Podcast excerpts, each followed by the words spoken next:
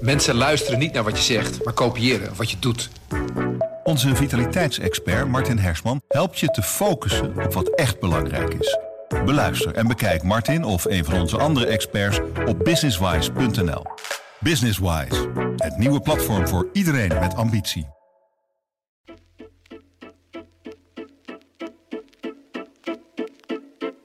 Hi, dit is Haagse Half Uurtje, de politieke podcast van Trouw. Ehm, ik ben niet Christophe Schmid, ik ben Hanne van der Wurf. Christophe zit hier tegenover mij. Ehm, hij is namelijk als de Trouw-redacteur die schrijft over buitenlandbeleid en defensiebeleid de aangewezen persoon om met ons vandaag in gesprek te gaan over één jaar oorlog in Oekraïne. Hey Christophe. Dag Hanna. Hey, wat leuk dat je er bent. Ehm, het is een, uh, een bewogen jaar geweest. Um, het is namelijk een jaar geleden dat er uh, een oorlog begon in Oekraïne. En het is ook een jaar geweest waarin ongeveer alle heilige huisjes, als het aankomt op nou ja, oorlogsvoering, buitenlands beleid, defensiebeleid. Uh, nou, er, is, er zijn heel wat heilige huisjes gesneuveld. Mm -hmm. um, kan jij er even een paar opnoemen? Waar hebben we het precies over? Ja, nou, als je even als een film uh, aan je voorbij laat gaan wat er allemaal in dat jaar is gebeurd. We hebben een, een echte ouderwetse, zou ik bijna zeggen, oorlog opeens in het hart van uh, Europa. Metaal tegen metaal. Dat konden we ons uh, een jaar geleden bijna niet voorstellen dat dat nog in Europa mogelijk was. We dachten van oorlog, dat is tegenwoordig via internet en cyberspace. En, maar dit was echt ouderwets militairen die sneuvelen en bloedbaden die we, die we zien. Dat is heel erg schokkend. Uh, verder, in politiek opzicht zie je ook de gekste dingen uh, opeens gebeuren. De NAVO die uitbreidt met Zweden en Finland. de twee landen die, die eeuwenlang neutraal zijn gebleven. En dat heel graag hadden willen blijven. Waren het niet dat ze nu opeens heel bang zijn voor Rusland. En niet weten hoe gauw ze lid moeten worden van de NAVO. Precies tegengesteld aan wat de Russische president Poetin eigenlijk wilde. Hier in Den Haag heb je ook uh, heel wat bijzondere debatten uh, gezien over de oorlog. dus ja, dit zijn wel bijzondere tijden, ja. En notabene de, de inlichtingendienst, de IVD, die deze week zegt dat een oorlog met Oekraïne, een oorlog tegen Rusland, excuses, um, nou, niet compleet onvoorstelbaar meer is. Tussen, tussen Rusland en, en ons, zeg ja. maar. Ja, uh, ja, nou, de, ja dat, dat, dat zou je inderdaad anderhalf jaar geleden ook niet hebben durven voorspellen. Uh, uh, premier Rutte zegt natuurlijk wel vaak, de Oekraïnse oorlog, of de, het Oekraïnse verzet is ook onze oorlog. Dus in die zin voelen we het al een beetje zo, maar we staan natuurlijk niet zelf te vechten. Maar ehm, ja, iedereen gaat zich wel een beetje afvragen van wat als. Uh, en dat is af en toe wel beangstigend, ja. Heb je er wel eens wakker van gelegen in je, je jaar van verslaggeving? Nou, wakker gelegen uh, niet, want ik zit hier natuurlijk vrij veilig uh, in Den Haag. ik sta niet aan het front, zoals bijvoorbeeld onze goede correspondent Michiel Driebergen. Die heeft prachtige verhalen geschreven het afgelopen jaar. dus nee, ik, ik, ik, heb daar zelf geen, geen schade van. maar je zit natuurlijk af en toe wel verwonderd naar internationale en Nederlandse debatten te kijken. Van wat gebeurt hier allemaal? Nou, je, ik bedoel, jij hebt hier natuurlijk veilig gezeten, maar ik kan me voorstellen dat het ook wel iets met je heeft gedaan. Uh, nou uh, ja, nou, ik denk dat wij allemaal uh, wel eens even op ons achterhoofd hebben gekrapt. Zeker in het begin, toen Poetin begon te dreigen met kernwapens, impliciet. Uh, ik denk dat jij ook uh, even hebt gedacht van... goh, heb ik wel genoeg drinkwater in de kelder of op zolder... En een zaklampje en een, een blikje bonen. Ja, ik weet nog dat jij een knijpkat ging kopen. Dat vertelde je toen. Ja, nou, die hadden ze dus juist niet. Ik heb er naar gezocht, maar knijp, weet iedereen nog wat een knijpkat is? Nou, dat, ik heb inmiddels wel een zaklampje met, met ouderwetse batterijen erin. Of nieuwerwetse batterijen. Maar ja, dat soort dingen ging, denk ik, meer dan ik... gingen heel veel mensen zich dat afvragen. En dat, dat is best beangstigend. Ja, dat kan ik me, dat kan ik me zo voorstellen. Um, jij hebt uh, uh, deze week jouw verslaggeving nou, gewoon voortgezet. Je bent namelijk in gesprek geweest met minister van Buitenlandse Zaken Wopke Hoekstra ja. uh, over deze oorlog. Nou, daar gaan we het later in de aflevering uitvoerig over hebben. Maar eerst wil ik het eigenlijk even met je hebben over wapensteun. Mm -hmm. Dat is namelijk een van de heilige huisjes die je niet hebt genoemd. Nee. Nederland levert actief wapens. Ja. Um, Waarom is dat zo bijzonder? Um, dat was een jaar geleden om deze tijd uh, nog een. Nou, het is nog steeds een gevoelig debat, maar dat was toen al een gevoelig debat. Van moet Nederland wapens leveren aan Oekraïne om zich te verdedigen tegen Rusland? Dat begon toen, uh, misschien weet je het nog, uh, met uh, helmen en scherfvesten. En dat we toen geweren leverden, dat was al heel controversieel. Want hè, er moest een wapenexportvergunning worden aangevraagd. En dat, zijn hele strenge regels. Je, je, mag eigenlijk geen wapens leveren aan een land in oorlog, volgens de EU. Maar dat, dat werd toch gedaan. En inmiddels heeft niemand het meer over die wapenexportregels. iedereen is er gewoon over eens. We moeten Oekraïne steunen, militair. Dus in een jaar tijd zijn we van die helmen bij tanks en zelfs F-16's. Nou, F-16's nog niet, want daar is nog steeds discussie over. Maar uh, het is heel snel gegaan uh, in de mate waarin militair wordt bijgesprongen door het Westen. En hoe valt dat hier in Politiek Den Haag? Um, eigenlijk unanieme steun. Of bijna nou, niet unaniem, maar brede uh, steun. Uh, zelfs coalitie, of, uh, oppositiepartijen als PvdA, GroenLinks, die zijn allemaal akkoord met het kabinetsbeleid hierover. Ehm, de enige die tegen, lang heeft tegengestribbeld is de Socialistische Partij. Die, die, die heeft natuurlijk ook een, een zekere pacifistische traditie. Uh, en um, Jasper van Dijk van de SP die heeft heel vaak in Kamerdebatten gezegd: we moeten geen wapens leveren, want het is olie op het vuur. En uh, uh, daarmee maak je de zaak alleen maar erger. En de wapenindustrie die, die spint daar garen bij.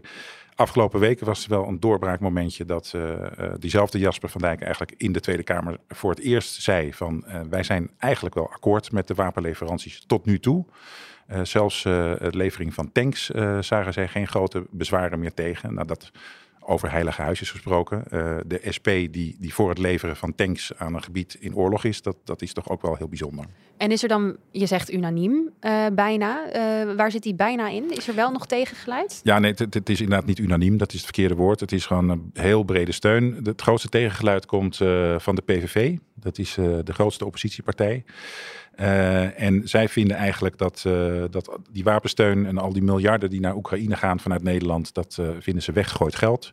Dat kan beter worden geïnvesteerd in Nederland zelf. Ze, ze, ze, noemen dan alle problemen op die volgens de PVV door het kabinet zijn veroorzaakt. in de woningmarkt, in de asielcrisis, noem maar op. Uh, ze zeggen dus van stop met het helpen van Oekraïne en help je eigen bevolking eerst maar eens. En dan praten we wel weer verder. Uh, maar zij staan daar redelijk alleen in. En een ander groot punt van de PVV is dat zij ook zeggen, ja, die hulp die Nederland geeft, wat maakt dat nou eigenlijk voor verschil? De, de, de VS die blijft toch wel hulp geven, ook als wij dat niet doen. Dat uh, werd inderdaad zo uh, gezegd, uh, dat eigenlijk die Nederlandse bijdrage, militaire bijdrage, geen invloed heeft op het verloop van de oorlog. Ja, dat weet je, dat kan je moeilijk zeggen of dat nou waar is of niet. Stel dat Nederland inderdaad zich uh, alle wapens uh, uh, terugtrekt en niet meer levert, dan, heb je, dan weet je niet of Rusland het opeens makkelijker krijgt. Maar goed, als elk westers land zo zou denken, tot en met de Engelsen en de, en de Duitsers, dat die precies op de PVV-lijn zetten, ja, dan, dan is Rusland morgen in Kiev. Um, dus uh, daar werd uh, de PVV ook door andere partijen op gewezen van hou eens even, we zitten hier uh, met z'n allen in deze coalitie en we gaan niet in ons eentje ons terugtrekken. Nou, dus al met al redelijk eensgezind, zou je wel kunnen zeggen. Hoe zit dat in andere Europese landen die wapens leveren? Um, in Europees verband zie je ook een, eigenlijk een ongekende eensgezindheid. Um, de EU is, uh, als je een beetje de vergaderingen volgt van uh, buitenlandministers, dat is ook een en al eensgezindheid in de steun voor Oekraïne. Ehm, je hebt natuurlijk af en toe de ouderwetse stoorzender Hongarije, die af en toe dreigt zand in de machine te gooien, maar dan op het laatste moment toch weer net niet doen. Hè, want in principe is Hongarije natuurlijk ook tegen die invasie van Rusland, maar zij zitten wel het meest op de lijn uh, niet te hard sancties treffen tegen Rusland, want dat treft onszelf ook. Um, maar goed, het nadeel is wel dat uh, sancties moeten altijd unaniem worden aangenomen door de EU. Dus Hongarije kan in principe uh, inderdaad dat, zand in die machine gooien, maar dat hebben ze tot nu toe niet serieus gedaan. Er is hooguit wat vertraging in, die, in dat beleid, maar tot nu toe is het toch heel eensgezind. En dat zie je niet vaak in Brussel. En hoe zit dat bij Europese landen zelf, dus, dus los, van, los van Brussel. Hoe zit het met die eensgezindheid daar? Ehm, nou ja, in Duitsland heb je natuurlijk een behoorlijk pittig debat uh, over die militaire steun. Ze zijn pas heel laat in Berlijn met die toestemming gekomen voor het leveren van tanks. Dat loopt eigenlijk tot de dag van vandaag nog steeds stroef. Kijk, Duitsland is natuurlijk na de Tweede Wereldoorlog uh, enorm terughoudend geweest met wat voor soort militaire actie dan ook. Het duurde heel lang voordat ze meededen aan zelfs, zelfs vredesmissies van de VN. Hè, dat er gewoon Duitse militairen uh, buiten Duitsland optraden. Dat was al een behoorlijk uh, heilig huisje. Uh, en dat uh, Duitsland wapens ging sturen naar Oekraïne, dat was ook al ongekend. Dus dat ligt in Berlijn heel gevoelig. Uh, dat ligt het nog steeds. Maar in andere landen, ik denk dat die ongeveer vergelijkbaar is met, met hoe Nederland erin zit. Gewoon, ja, we moeten Oekraïne helpen. Punt uit. Nou, dat was volgens mij ook wel een beetje het sentiment uh, uh, dat bleek uit jouw interview met Wopke Hoekstra. Daar gaan we het zo nog eventjes over hebben. Um, maar ik heb toch nog één vraag over die uh, wapenleveringen. Leveren wij nou eigenlijk veel als Nederland? Ja, als je per hoofd van de bevolking kijkt, volgens mij ging het vorig jaar over 1 miljard euro aan puur militaire hulp.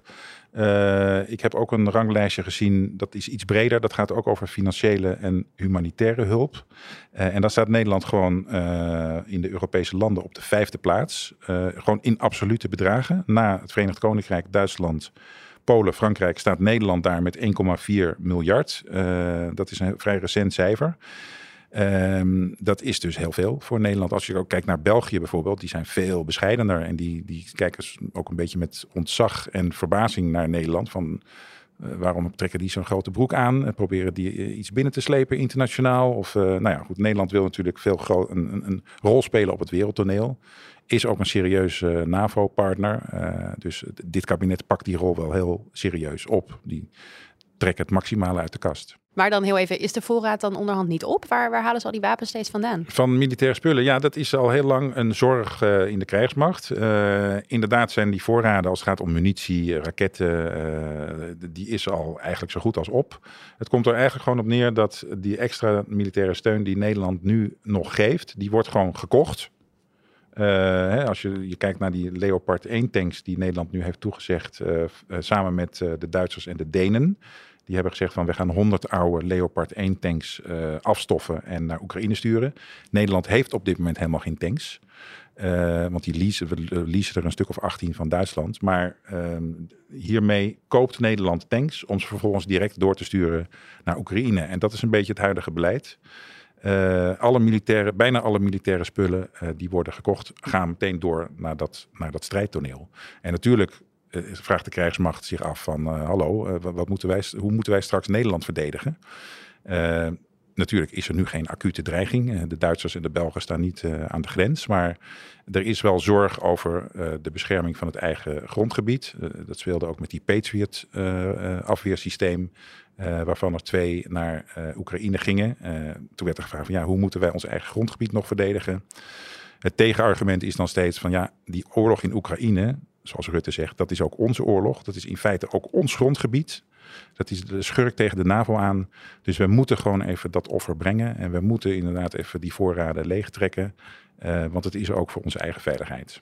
We weten dat het draagvlak onder Nederlanders voor de oorlog in Oekraïne uh, best wel groot is. Maar gaat dat nog invloed hebben als uh, eigenlijk Nederland op deze manier geld blijft uitgeven aan wapens?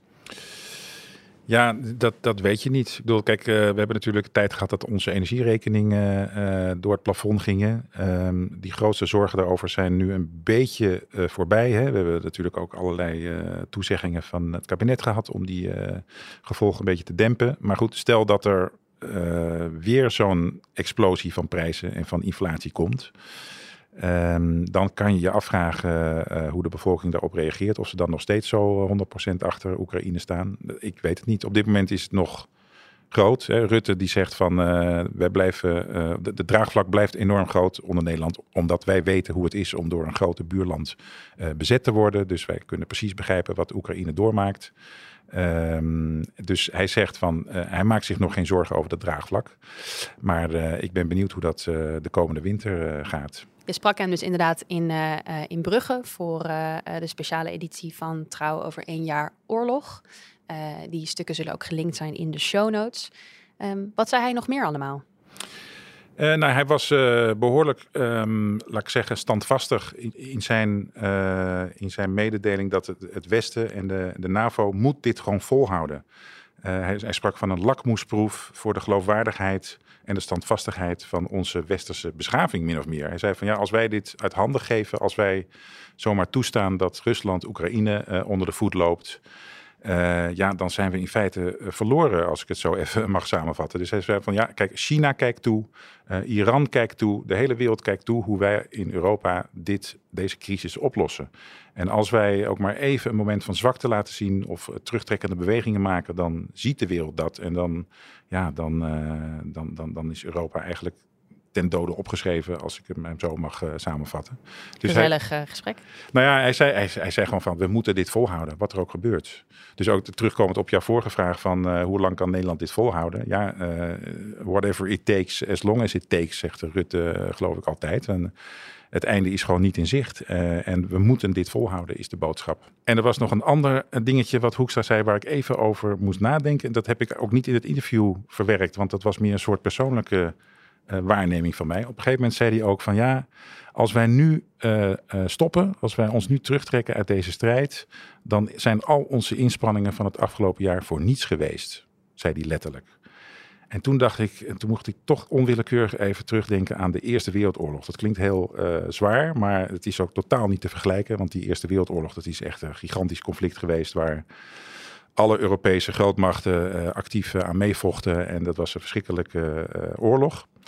Uh, en dit is natuurlijk ook een verschrikkelijke oorlog in Oekraïne, maar is tot nu toe vrij lokaal uh, gecentreerd, laat ik zeggen. En er, er, is één invasiemacht en één verzetsmacht. Dus het is in die zin nog een beetje overzichtelijk. Maar wat de overeenkomsten met de Eerste Wereldoorlog zijn, is dat uh, er toen ook werd gedacht: als wij nu stoppen, is alles voor niks geweest. En met dat argument gingen alle landen volgens jarenlang nog miljoenen soldaten over de kling jagen.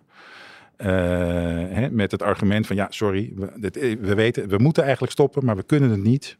Want als we nu stoppen, is alles voor niks geweest. Dus die woorden vond ik vrij uh, omineus van Hoekstra. Hij had het natuurlijk in eerste instantie over de eigen inzet van de, van de westerse hulp. En niet zozeer over onze militairen.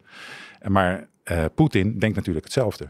Die denkt ook, als ik nu stop met mijn fout. Want misschien dat hij inmiddels inziet dat hij een fout heeft gemaakt. Maar als ik nu stop, is alles tot nu toe voor niks geweest. Dus ga ik door.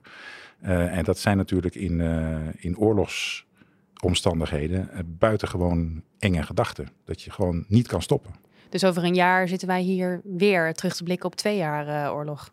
Uh, waarschijnlijk, maar ik, ik, hoop wel dat uh, zeg maar verantwoordelijke militairen en uh, ministers dan niet zeggen van we, gaan, we moeten eenmaal doorgaan, want alles zijn die afgelopen twee jaar voor niks geweest. Ik bedoel, ja, zo, zo, stop, zo stop je nooit vanuit Rusland. Kijk, als Rusland zich morgen terugtrekt uit Oekraïne, is die oorlog voorbij. Dat, dat, dat weten we allemaal.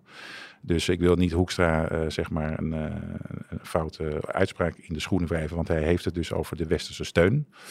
Uh, maar die gedachte is gevaarlijk. En je zegt, nou, die, die oorlog die, is, die, die stopt zodra Rusland zich terugtrekt. Hoe reëel schat jij die kans?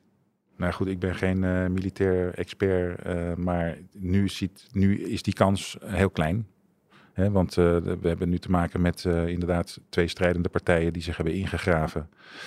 Uh, die Rusland heeft natuurlijk een veel groter reservoir aan reservisten en extra troepen dan Oekraïne. Um, dus Oekraïne moet wel met een overweldigend tegenoffensief komen. Uh, met F-16's en met weet ik wat voor allemaal uh, middelen allemaal. Om, om, om die Russen echt het land uit te jagen. Want dat is in feite wat, wat er zou moeten gebeuren. Hè? En dat, dat zit er voorlopig niet in. Nou, we hebben het tot nu toe natuurlijk vooral over politiek gehad, over wereldpolitiek. Um, deze oorlog is natuurlijk vooral catastrofaal voor de Oekraïners zelf. wat horen we daarover? Nou ja, we hebben natuurlijk het een jaar lang inmiddels uh, de, de, ene verschrikkelijke beelden naar de andere uh, gezien op televisie. Uh, flats die worden gebombardeerd, kinderziekenhuizen die worden gebombardeerd, ehm, kinderen die worden ontvoerd en in Russische gastgezinnen worden ondergebracht. De ene verschrikking naar de andere. voor onze eigen krant heeft natuurlijk onze correspondent Michiel Driebergen uh, echt fantastisch werk gedaan in dat land. Die uh, heeft uh, het ene prachtige verhaal naar het andere geschreven. In onze bijlage deze vrijdag staat ook een heel mooi stuk van hem over een gezin dat een dochter is kwijtgeraakt bij bombardementen in Oekraïne. En een ander gezin waar juist een baby is geboren. Hè, dus hij brengt leven en dood op, op die manier heel dicht bij elkaar. dus dat is voor onze correspondent die fantastische verhalen heeft geschreven. En dus zeg maar voor ons als politieke redactie. Uh, we zitten hier natuurlijk institutionele debatten te, volgen en zo. Maar het is wel van belang dat we nog altijd onze ogen open blijven houden uh, naar wat er, wat er daar ter plekke gebeurt. Uh, want dat is verschrikkelijk. Nou ja, en die verschrikkingen die zullen, als ik jou ook zo hoor, nog wel even doorgaan. Um, om het toch, toch weer eventjes institutioneel en politiek te trekken. Um, heb jij enig idee wat dit gaat doen met de relatie tussen nou ja, Europa, Rusland, Oekraïne, Nederland? Ja, nou dan vraag je mij om in een glazen bol uh, te kijken. Uh, geen idee. Uh, dit, dit, is natuurlijk een ongelooflijk ingrijpend conflict voor onze en jullie generatie. Ik, ik, hoorde al Ruben Brekelmans van de VVD. Die zei deze week in de Kamer. Dat is ook een jonkie, hè? Dat is een redelijk jonge jongen van ergens in de dertig. En die zei, uh, vier van de tien Nederlanders heeft de Koude Oorlog niet bewust meegemaakt. En ik ben daar één van. En wij zijn de generatie van 24 februari. Uh, dus het is voor, voor langere tijd gaat dit grote gevolgen hebben. Hoe, we, hoe als deze oorlog ooit afloopt, geen idee hoe de veiligheidsarchitectuur van Europa er dan uitziet. Er moet sowieso, dat zei Hoekstra ook hoor in dat interview, dat we wel op zoek moeten naar een nieuwe veiligheidsarchitectuur in Europa. Welke rol Rusland daarin speelt, dat is de grote vraag. Want uh, Rusland is het grootste land ter wereld uh, en ligt daar. En daar zullen we toch op de een of andere manier mee moeten omgaan en zijn met ons. Dus um, dat is een moeilijke vraag waar ik het antwoord niet op weet. We begonnen deze aflevering met de opmerking dat dit toch wel een heel grimmig onderwerp is. En dat blijft het ook. Dus aan jou de onmogelijke taak om te kijken, kunnen we dit ook nog een beetje positief afsluiten? Zijn er ook nog mooie dingen? Ja, dat is een behoorlijk onmogelijke taak. Um, maar goed. Succes. Ja, nee, ja, ja, als ik echt heel erg uh, iets uit het onderste van het vat moet peuteren, dan um, is het dat in ieder geval in de EU is de samenwerking groot de landen die groeien naar elkaar toe op dit onderwerp. Terwijl we hebben natuurlijk zeker tien jaar gezien dat landen uit elkaar groeiden. Eh, tijdens de eurocrisis en de migratiecrisis. Dus je ziet Europese samenwerking eh, toenemen. In de Nederlandse politiek zie je toch ook een behoorlijke uh, eendrachtigheid, waar we het al over hadden. ik vond ook dat debat, het Tweede Kamerdebat deze week, was behoorlijk goed. zelfs voorzitter Vera Bergkamp noemde het na afloop een mooi debat. Iedereen kwam netjes aan het woord. Er werd niet gevloekt, er werd niet gescholden. Natuurlijk waren inderdaad tegengeluiden waar we het over hebben gehad van de PVV. Ehm, maar het was, ja, laat ik zeggen, een, een, een volwassen democratisch debat. Dus daar moeten we dan maar onze lichtpuntjes uit peuteren. Goed, we gaan, we gaan ons best doen. Ik wil je in ieder geval ontzettend bedanken dat je er was. bedankt voor al je inzichten. Graag gedaan. Um, dit was uh, uh, Haags half uurtje, de politieke podcast van Trouw. Mijn naam is Hanne van der Wurf. Deze podcast wordt gemaakt door Charlotte Verlauw en George Paul Henneberken. Uh, wil je nou meer podcast luisteren van Trouw? Dat kan. Ga dan vooral naar www.trouw.nl slash podcasts. vragen, opmerkingen, suggesties, feedback kan allemaal worden gestuurd naar haagshalfuurtje.trouw.nl. Volgende week zijn we er niet, want het is voorjaarsreces, maar daarna zijn we nu weer volop met afleveringen over de statenverkiezingen. Dus tot dan!